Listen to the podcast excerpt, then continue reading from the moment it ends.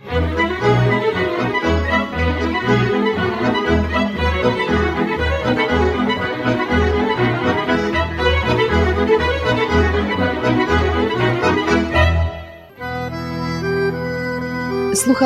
Radio Novi Sad, programu na ruskim jeziku. Sobotovo stretnuca.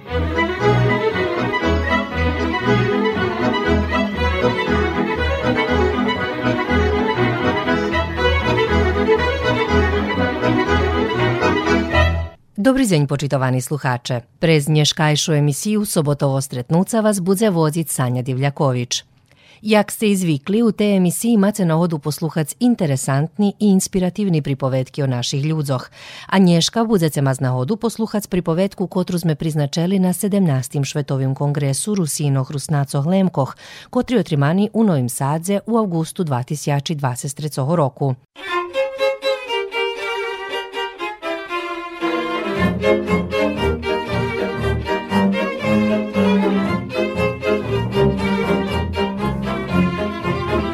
Z tej nahody stretla som še so s mladým i bar aktívnym dijačom ruskej kultúry Petrom Štefanjakom zo z Republiky Slováckej, kotri u prešli deceniji na iscemal veľo roboti, a zaznačal i uspíšni rezultati na zazberovanju Rusnacov u Bratislavi, gdje žije i robi, na očuvanju kulturi, alje i u pisanju projektoh i zljepšovanju komunikaciji ruskej zajednici zo z vladu Republiky Slováckej. Porjadni je delegat Švetovog kongresu Rusinoh Rusnacov Lemkoh od 2009 roku. Perš Bivše bol delegat Forumu mladih, a teraz je delegat na Švetovim forume. Nješkajša emisija bude pretkana i zo rusku muziku zo kraju moje osobe šednika. Preto ostaňte s nami u najhodzacej hodzini.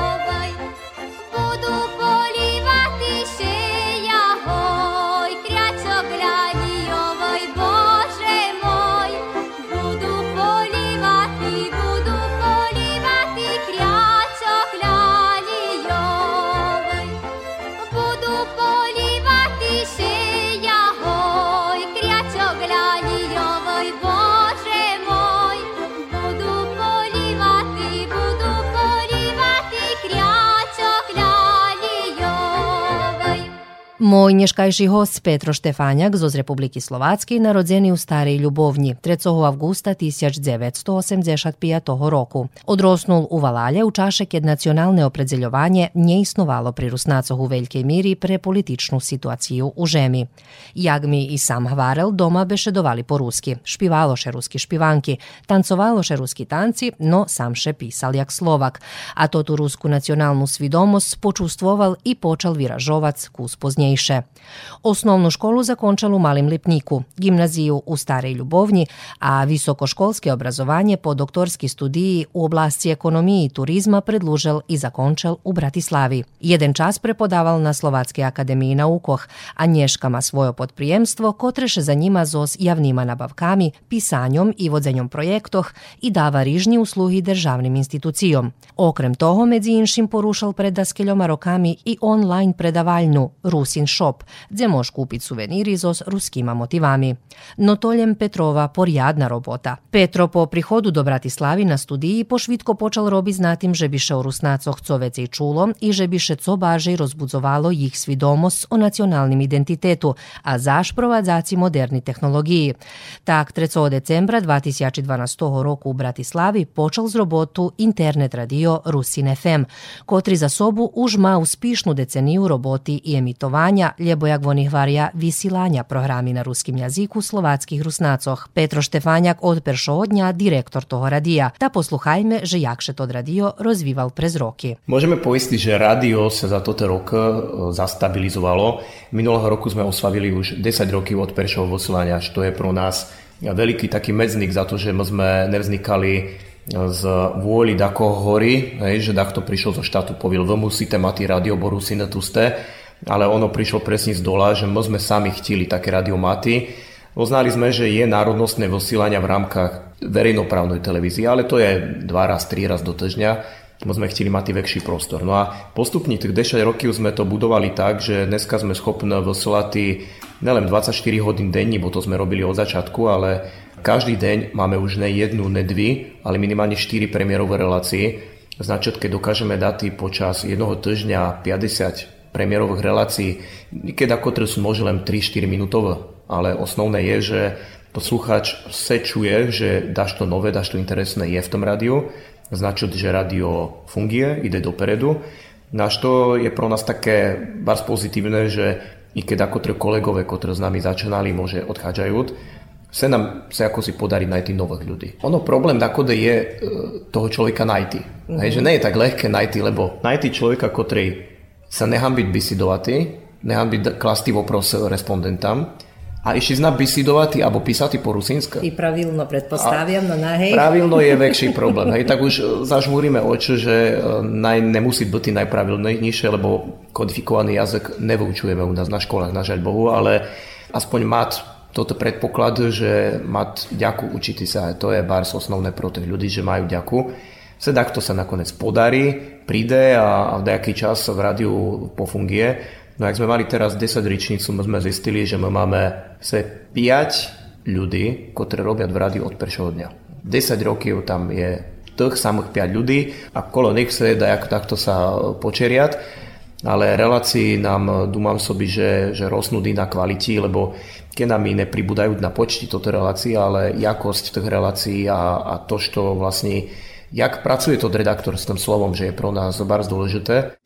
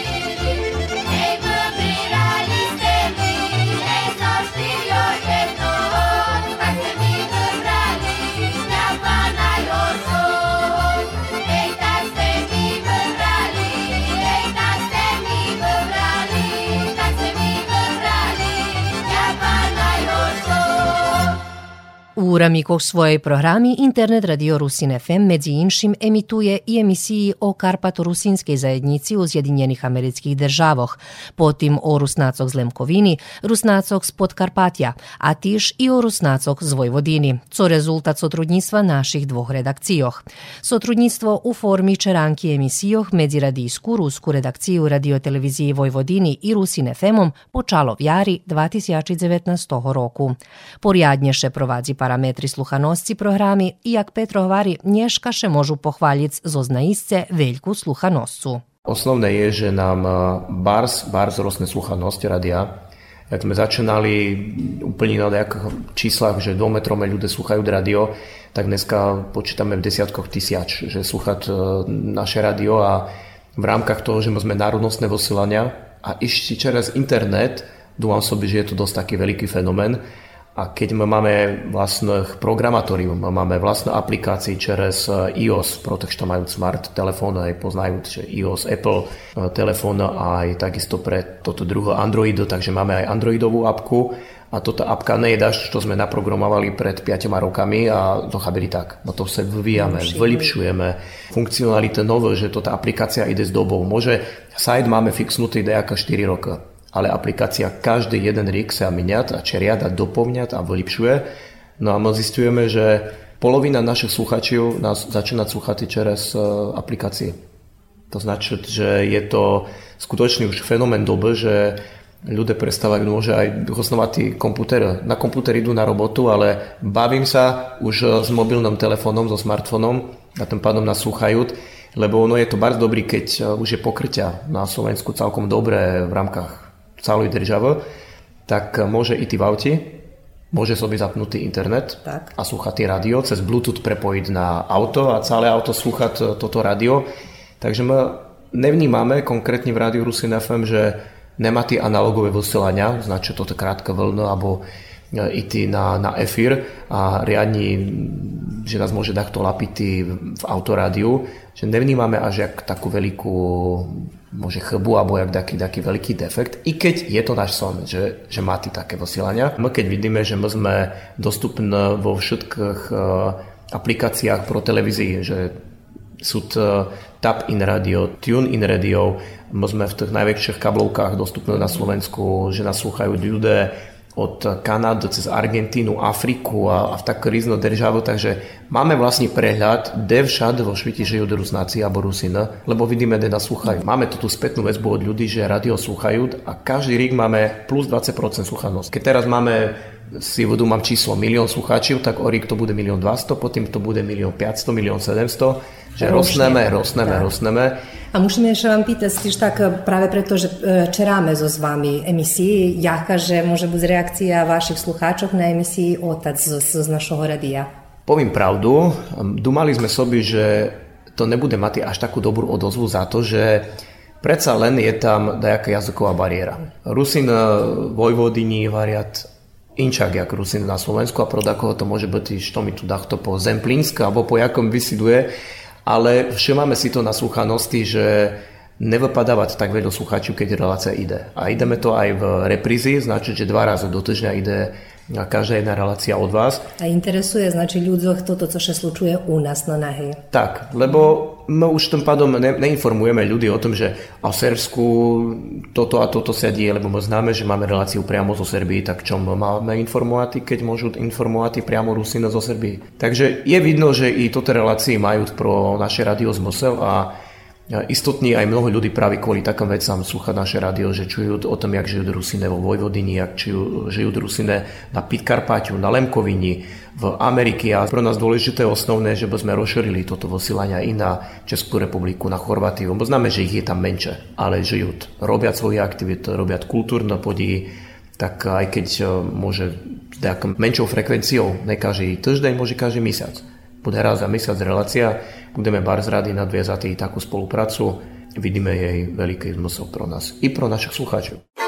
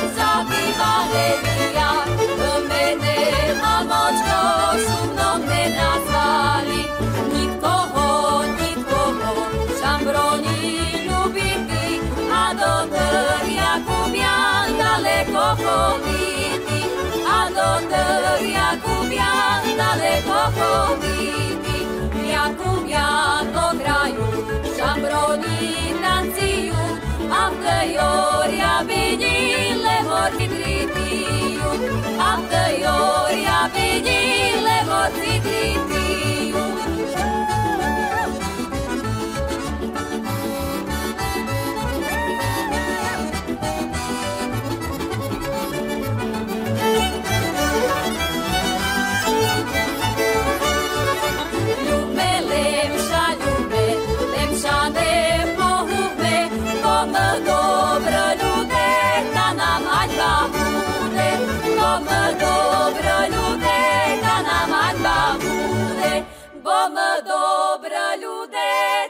hańba буде. Jak i u všetkých druhých žemoch, i u Slovatskej še slučuju migraciji mladih zo zmenších štretkoh do velikih urbanih horodoh. Takše i velji rusnaci preškolovanje i robotu zo sjeverovostočnih i vostočnih krajoh, ali i drugih častog žemi naseljuju do Bratislavi, hlavno horodu i tu často i ostavaju. Ih žažda za svojim bula nahoda, že bi im i u tim horodze u zahodnej časti žemi ponuklo daco, že bi mogli pestovat svoju kulturu i jazik. Tak, dva roki pretim, jak porušani internet Radio Rusin FM, odnosno dva tisjači za Šatohoroku, na inicijativu velikočisla mladih rusnacoh Petro Štefanjak z njima u Bratislavi porušal formovanje i folklorno ansamblu Rutenija, jak združenje hraždanok s kotrim i nješka rukovodzi. Jak varel po pristajemnih členov kotrih jest kolo 30, posle periodu pandemiji i izolaciji ukazalaše potreba i nahoda formovac i dzecinsku grupu Rutenijačik 2022. roku. Rutenia má za sebou tak samo 10 rokov. V tom, že my sme mali aktuálne to obdobie, dúmam, že však všade sme to vnímali, že kultúra bola najväčší poznačená, jak boli toto covidové roky, tak ich voláme covidové roky. Pre nás premazané roky, roky ničoto.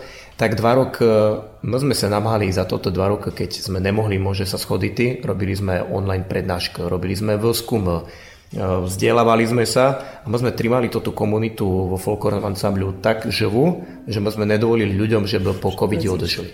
Veľa kolektívov buď odešlo, alebo mali jednu tretinu členov, že kopec ľudí odešlo, nás sa to nestalo.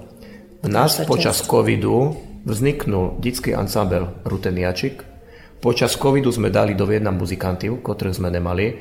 Takže my sme počas covidu vlastne využili to prostor na to, že by sme zveľadili to, čo sme nemali prostor zveľaďovať, pokiaľ boli toto rok aktívne, hej, lebo keď idete zo dňa na deň vystúpinia kroji, vystúpinia kroji a nacvik vystúpinia, Môže zabudalo sa na to, čo sme mali v pláne, že sme chceli sa venovať deťom, jak našej nástupnej generácii.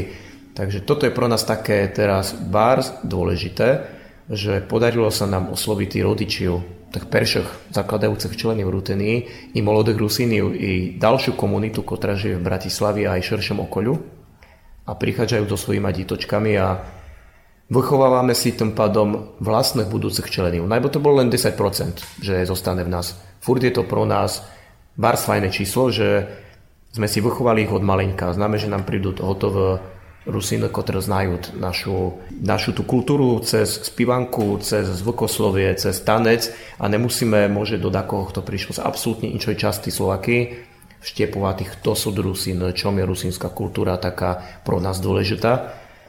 Na toto ruteniačik tým pádom Keľože ich máte teraz, keľože deti tam No, tak práve teraz budeme mať druhý rik, jak sme ho založili. A budeme mať teraz už otvorenú druhú klasu, bo mali sme len začiatočníkov. Začiatočníci posunuli sa dále, to je 15 detí, tak 15 detí máme v tej peršoj. A druhá grupa, že bude čeres 10 detí, takže budeme mať skoro 30 detí. No a my známe, že už teraz nám rostnú nové deti, hej, bo ešte mať rok, dva alebo tri, hej, hej, že bratia, sestry mm. a rýzne rodiče, ktoré majú vyššie malenké deti, máme výkovú hranicu, že 4 roka. No a už my máme vytipované, ktoré prídu ku nám, lebo, lebo vidíme na tých rodičoch, že jak sú strašne radi, že dáš to také Bratislavy je a že to tá komunita tým pádom bars ožívať eh, čerez toto aktivity detí, lebo nám sa vlastne vytratila do dohľadu jedna celá generácia ľudí.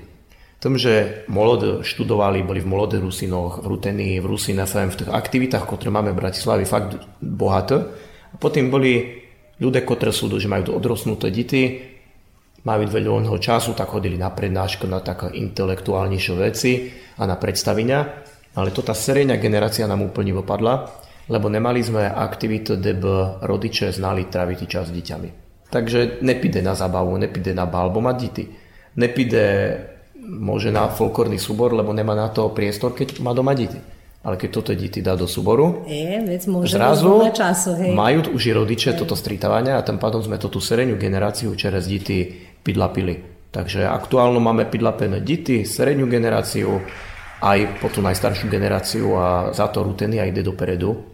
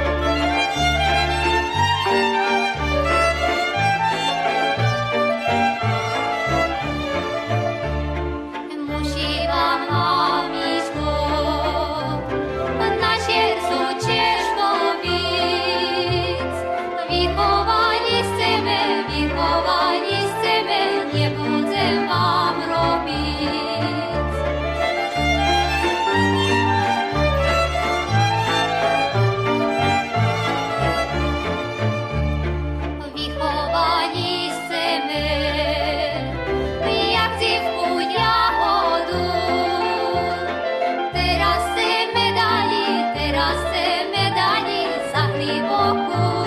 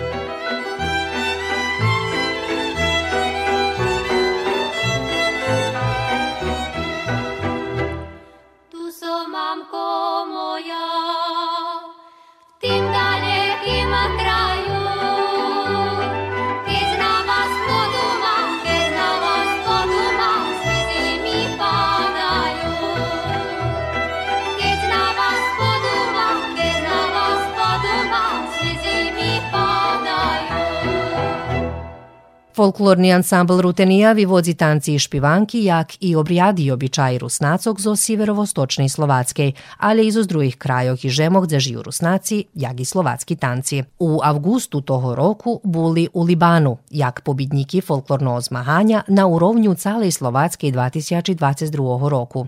Tam mali na hodu predstaviti slovatsku, ale i rusku kulturu. Minulého roku sa nám podarilo také veľké dielo podľa mene, že rusínsky ansambel zdobil ocenenia laureát celoslovenského zmáňa folklórneho a sme vyhrali celú Každá súťaž.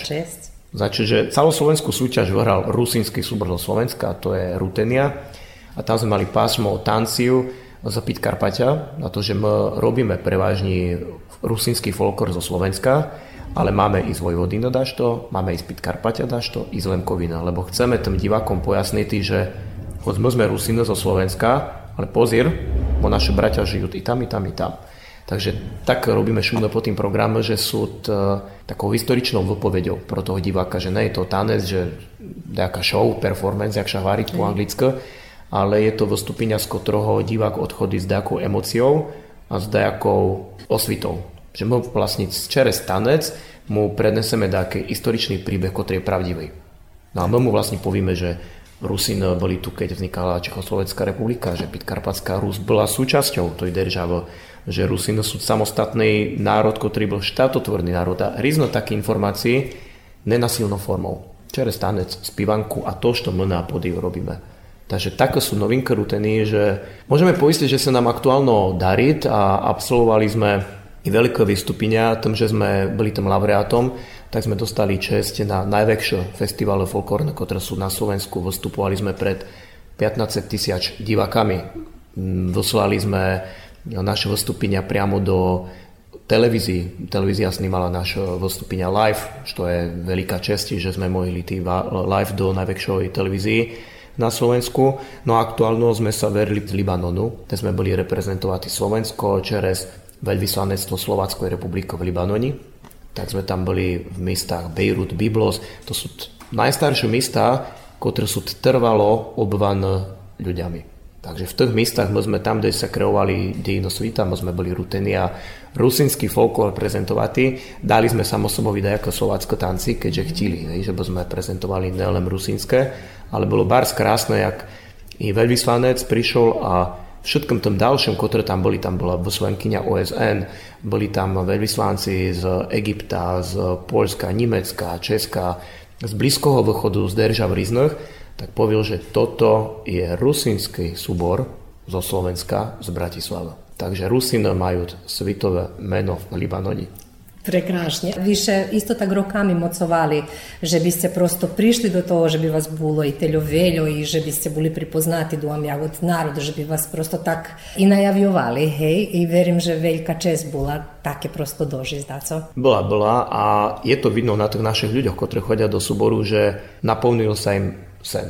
Mnohé ľudia snívali, že pideme na veľké podium, že, že budú tým ľapkatí 10 tisíci ľudí. No a to sa vlastne podarilo o tom, že sme robili a nedrímali sme, jak sa hovorí, ani v to, keď všetko ostatné drímali, alebo sme robili na sobi. Veľa razu boli ľudia nešťastné a už, už nechtili chodiť na što a čom, ale jak videli potom toto vo slidke a mali to tú radosť a to tú hordosť, že jem bol a jem mohl reprezentovať i ja Rusiniu, tak toto Čuťa už vám nikto nevozme. To je, to je bardzo dôležité.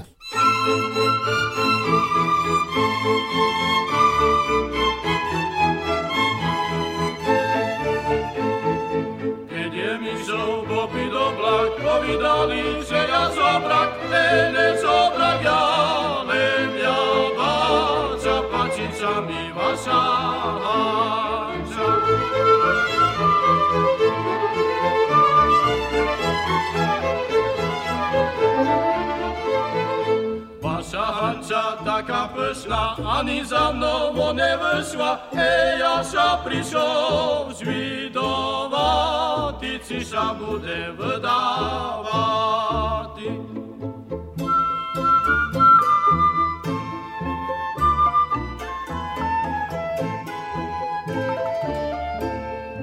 Budeš, budeš, bo te musíš, bo te zvatoj pesi nosíš, ej zvatoj pesi nosíš.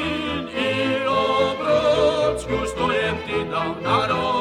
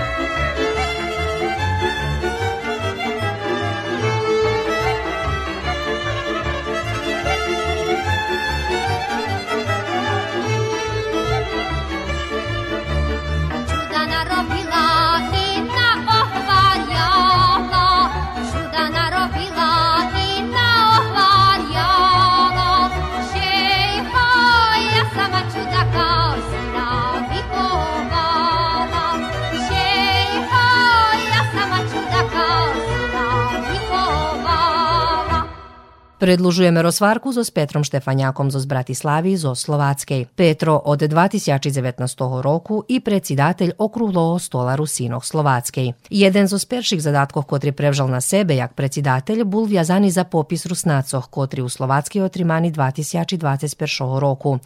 I sam na ostatnjem popisu učestvoval na kreirovanju i vodzenju platformi za kampanju za opredzeljovanje ruske nacionalnej pripadnosti. Kampanja dala rezultati, a na ostatnjem popisu še jak Rusnaci vyjašnjeli vece jak 63,5 tisjači ljudze. Vece o okrulým stolje jak instituciji posluchajme u najchodzacích minutoch. Sluchači isto v Serbii a vo Vojodini znajú, že na Slovensku máme Rusiny mnoho, za to máme mnoho organizácií rusínskych. Je Rusínska obroda, Molode Rusina, to sme spomínali Ruteniu, Rádio Rusin FM a ďalšie, či písatelia, rýzne, rýzne spolky, ktoré nerobiat za to, bo robiat proti sobi, ale každý má nejakú špecifičnú činnosť. Jedno sú len čisto písatelí, ďalšie len čisto kultúra, ďalšie čisto akademici. A to všetko je pro nás dôležité, ale čo nám chybovalo, bola jedna organizácia, ktorá zastrišuje toto všetko a to nejakým spôsobom komunikuje. Ono v minulosti, jak po 89. roku Rusín boli nazad dovolené. To v Serbii nepoznáte, bo ste nemali tot problém, že bola rusínska národnosť zakázaná. Ale u nás v Sereňu Európy bola. Takže Rusíne sa nemohli holosiť ku tomu. No a potom už, ak mohli, tak toto zastrešujúca organizácia bola Rusínska obroda na Slovensku. Ale potom už, jak vznikali mnoho, mnoho, mnoho ďalšie združenia, tak obroda už nedokázala byť tou strišnou organizáciou a za to vznikol okrúhly styl Rusiniu Slovenska, ktorý nevzniknul jak dajaká organizácia proti dakomu vôbec. Spolupracujeme a tam práve, že bola, že sa všetky organizácie dali do Viedna. Ja jemu dokonca ani nebol kolo vzniku, ale aktuálne je už druhé volebné obdobie predsedateľom toho kráľovstva Rusiniu Slovenska. No a ja im som vydal tak dva osnovné cieľy. Prvším bolo spisovania, jem vlastne veľ celú toto kampaň pred spisovaním, celú ideológiu, marketing, jak to bude, sme sobie objednali externú fachovú firmu, ktorá nám bude s tom pomáhať, že by sme docielili toto vo svetke. I dalo dobré rezultáty. I dalo dobré rezultáty. No a druhý taký cieľ bol, že by sme do što najväčšej možnej miere rozšírili toto spoluprácu tej organizácii. To nikda nedosiahnete, že bude s vami spolupracovať 100% Rusiniu, ale najprv by ich bolo aspoň 90%. Je to dobre. Takže to sa nám celkom darí a každý rík prichádzajú nové a nové ľudia, keď vidia, že okrúhly styl je skutočný platforma, ktorá my nerobíme festival, my nerobíme tak akcií podí. Je to platforma, aj keď to je občanské združenia, forma právna je občanské združenia. Ale je to platforma, na ktorej každý môže prenesti problém a snažíme sa problém riešiť tak, že by sme ich uplatnili na cálok. Hej. Povíčme, je problém s rusínskym školstvom. Tak nebudeme riešiť školu v Klenovi, ale snažíme sa riešiť zmenou legislatívu. Čiže my keď zmeníme zákon alebo legislatívu, znači, že to nelen škola v Klenovi bude mať z toho osoch, ale všetky školy, ktoré sú rusínske. Na toto je vlastne tá ideológia, ktorá je môže nadradená tej roboti, i, ktorú robí v inších združeniach, lebo že by ste boli ustvari zastupník no, tak, všetkých tak, tých. Tak. Hej, že veľa razy, aj keď išli inštitúcii štátne, že a s kým máme teraz inaty? S mhm. Rusinskou obrodou, s mladými Rusinami, či s Rusin FM, so Štefaniakom, s Karašom, s Medvidňom, s Filipom. E, veľa ľudí kolo toho bolo. To tak, ako sú máme nacionálny sovit, môže byť s Rusnácoch u, u, u Serbii. Hej. Na to okrúhly styl vlastne, ja sobie dúmam, že za svojich, vin už bude mať doraz tiež 10 rokov isnovania a dokonca už aj mal.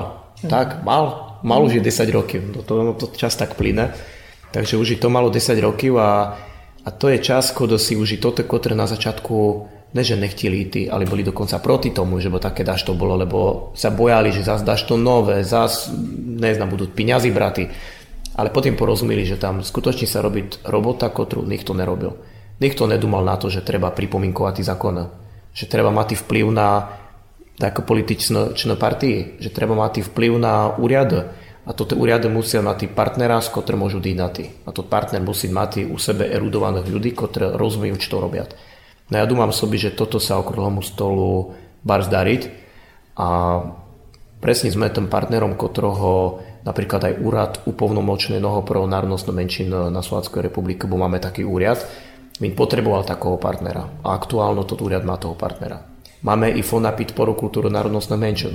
Takisto je okrúhly styl partnerom, keď potrebujú daštoidnaty alebo potrebujú menovatý členiu. Takže dúfam sobie, že to tá platforma by mala prodlžovať vo svojej roboti a osnovné je, že by aj toto môže, ktoré ešte sa nedovirujú našej robote, že by porozumeli, že to robota je chosenná a nie je krátkodobá. Že vidíš, že dneska dostanú 5 eur a sa tišu, ale dneska nedostanú nič. Budú robiť ešte 5 rokov, že toto, čo dneska zrobíme, malo dosah na 20 rokov ďalej.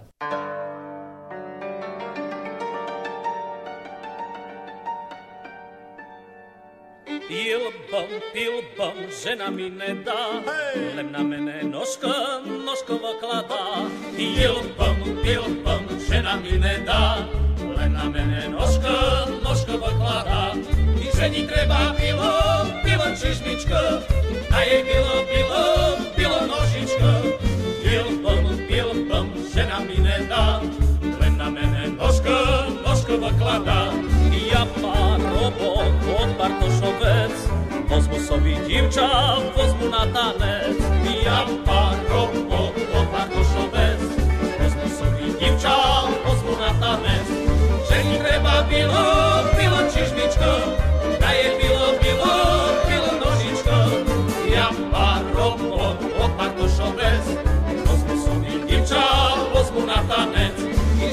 neba bilo, bilo čižmičko, a je bilo, bilo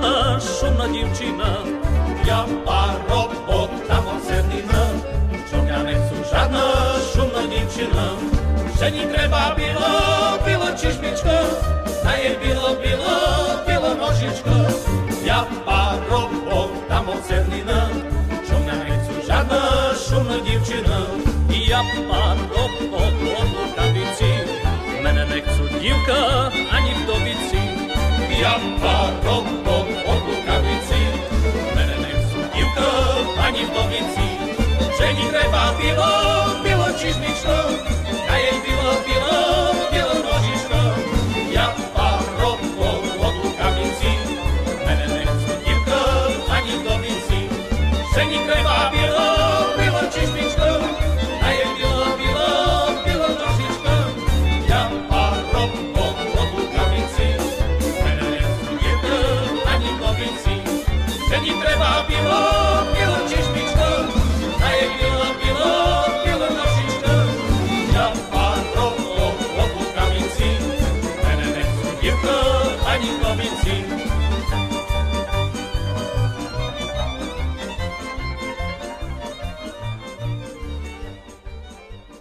Petro Štefanjak, Velji Roki Vozel i Združenje hraždanoh Molodi Rusini, kot reformovane 2007. roku, keď će grupa mladih ljudzo u Bratislavi, a rodom zo siverovostoku Žemi, počala shodit u glavnim horodze Bratislavi. Molodi Rusini jak združenje od 2009. roku i stajomni člen Švetovog forumu mladih rusnacoh. Po organizovali vece 300 kulturni, društveni i sportski podjiji. Petroše s funkciji predsjedatelja pocahnul pred askeljoma jak počesni predsjedatelj Iščevše učestvuje u organizaciji Međunarodnog festivalu Rusinska vatra u Malim Lipniku. Co što se tika molodih Rusino, co nam možeš povesti dalje i co še tu nove slučuje u stvari? Možu, možu začati, ale tom, že i keď jem bol e, zakladateľ Združenia Molody Rusina a perší predsedateľ, dneska už jem len čestnej predseda, bo už nemám na to vek. Už jem kuščok starší Molody Rusin. A teraz už všetky zanímaš so, so, s problémami starších. Ale sem tam členom, tak, sem tam členom, lebo máme i kolektívnych členov, čiže jem tam členom čerez Ruteniu alebo Radio Rusin FM. No a Molody Rusin e, zastávajú svoju štandardnú pozíciu, že sú aktívna molodežná organizácia. Jasný, že COVID nám bars, bars, bars, bars nepomoh, bym povil, že Ruteny pomohol, ale mladým Rusinom bars poškodil, lebo kopec tých ľudí, ktorí chodili na vysoké škole, zrazu nebolo. Tak. A tým pádom nám odchodili ľudia a nikto neprichodil. Vracali sa domu zo No, vracali a, a, nebolo. No ale naštartovali sme toto aktivit, nové molode vedžinia zriad, že je aktívne a barzim rád, že to tá robota neskinčila, lebo škoda by bola tej roboty, bo môže ne každý z nás slúchať, že práve z Molodých Rusinov vznikla i Rutenia ensemble, i Radio Rusina FM. Dneska sú to absolútne inšie ľudia a inšie aktivity.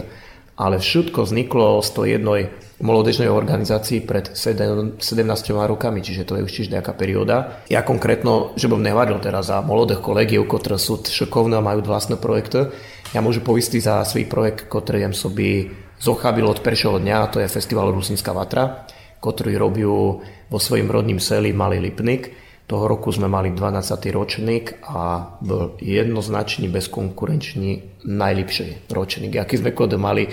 Dneska teraz tak uzrieť, že dneska všetko perfektne robíme na Slovensku, ale ono je to tak, že po tých rokách, kode bolo nič, aj toto, čo robíme, nám sa zdá, že je všetko najlepšie. Ale ja sobie aj dúmam, že skutočne to tak je, lebo Dávate všetko od sebe. Dávame od sebe a hlavne sa overilo tým časom, aj tou pauzou, akú sme mali, že kto mm. fakt chce robiť a kto len bol tam, bo, bo tam bol len pro počet.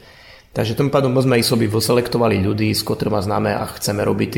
No a to festival Rusinská vatra, jak sme začínali, a keď by spomenuli, to sme zapalili ohník, okolo ktorého bolo 50 ľudí na lavočkách, sme spívali, hrali, to bol 0. ročník. A potom sme si povedali, že ideme z toho robiť festival, No a aktuálno sme mali do 2000 ľudí na festivalu a môže da komu to príde, že to je veľké číslo, ale treba rozumieť, že malý Lipník má 400 ľudí. Práve som chcela povedať, že 400 ľudí, zraz viacej ľudia prídu, no hej, to Z toho je 150 takých, ktorí už neprídu, bo sú staré. Z toho je 50 mimo Lipníka, bo sú po robotách, takže zostávať nám 100 ľudí z malého Lipníka. Takže si predstavme, že my priťahneme 1700 alebo 1800 čudžích ľudí z mimo Lipnika, z mimo okresu a z mimo Slovenska. Takže z Rusinskoj vátr, ktorú voláme, že to je vlajkový festival mladých Rusinov, sa aktuálno stal medzinárodný festival s medzinárodnou účasťou i účinkujúcich a tak samo i našich divákov chodiať i z Lemkovín z Polska.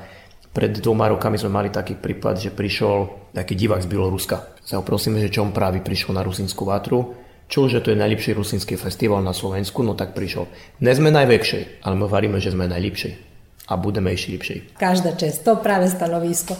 E, ohľadom, co si mi všetko vypripravilo, že deš všetko aktívny, jakže postihuješ všetko toto? Toto všetko je môj voľný čas. Ja mám svoju normálnu robotu, za toto všetko aktivity v podstate buď nedostanú nič, alebo dáš to bar smiešné, Takže tu motiváciou nie sú peniazy, ale to, že by sme dašto zrobili pro sebe a cez sebe pro náš národ a pro našu ďalšiu generáciu, ono veľa ľudí varí, že to je kliše, ale ono to nie je kliše, to je fakt. Proste, jak by, sme, jak by sme to nerobili, tak nebolo by ani nás, nebolo by ani ďalšie generácii. Takže bez tej našej roboty by jednoducho nemohlo fungovať to, čo tu chceme dochabiť.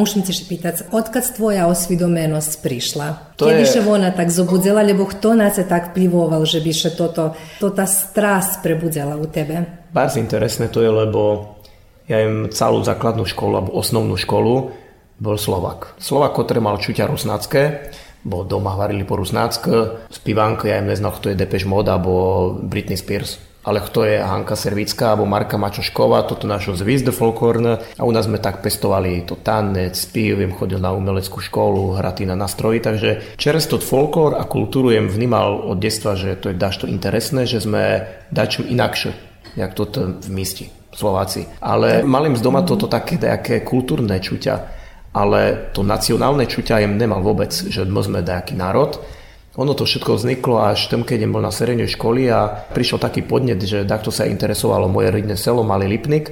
Ja prišiel do knižnici, bibliotéka, že dajte mi knižku o Malom Lipniku a idú robiť referát. No ja prišiel na to, že knižka o Lipniku nie je. No tak to tak začalo, že zrobili im referát, potom im zrobil z toho takú robotu na Olympiádu, dostal im sa z krajského kola, ktorý hral na Slovácké a tam povedali, že treba vydať knižku. Tak ja im bol molodý na srednej školy a už im bol vlastne píšucí knižku a toto bolo žridlo toho mojho presvedčenia. Keď im začal študovať históriu vlastného sela a im zistil to, že dneska je tam 450 ľudí a iba dvome Rusiny, všetko Slováci boli. Taká bola pravda pred pár rokami a našiel v štatistikách, že v 1920, 30, 40, všetko boli Rusino. A to Rusino pomerali, kde to Rusino píšli, keď všetko rozprávať po Rusinska. No a tam im to začal skúmať a toto si predstavte, že toto mňa tak absolútne vťahlo do tej problematiky, že jem vlastne, tak jak je mal čujstvo kultúrne, zrazu je mal veľké nacionálne, no a čujem tú potrebu, že keď ja im to neznal, bo mi to nikto nepoviel, skade to budú znati toto ďalšie. Budú to znati iba tak, keď my budeme robiť tí teleakcii, že by sa to doznali. Bo v školách to neučat. Bo náš to nie, však sme Slováci na Slovensku po Slovensku, v Srbsku po Srbsku, asimilácia problém všade, ale práve mladí ľudia, keď odozdajú kamarátovi, kolegovi, spolužiakovi toto informáciu, tak toto bolo pre nás taký impuls.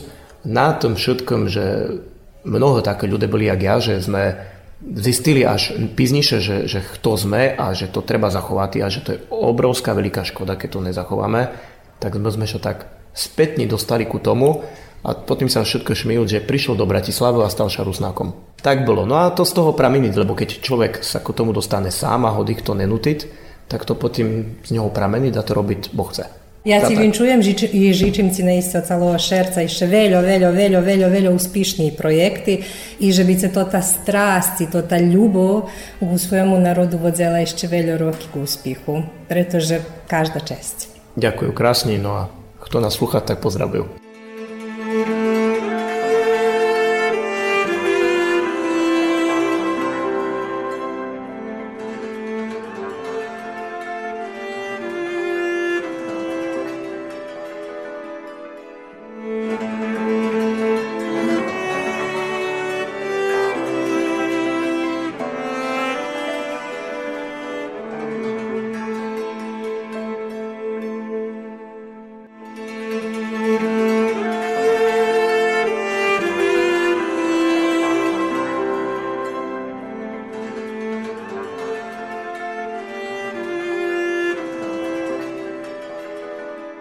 Počitovani sluhače, bula to emisija Sobotovo stretnuca, u kotrej sme bešedovali zo Rusnakom zo Bratislavi, zo Republiki Slovatske i Petrom Štefanjakom, a Rosvarka napravena na Švetovim kongresu Rusnacoh Rusinoh Lemkoh, kotri u avgustu 2023 roku otrimani u Novim Sadze. Emisiju pririhtala i vodzela Sanja Divljaković. Po iducu sobotu i nove stretnuce posilame vam veliki pozdrav.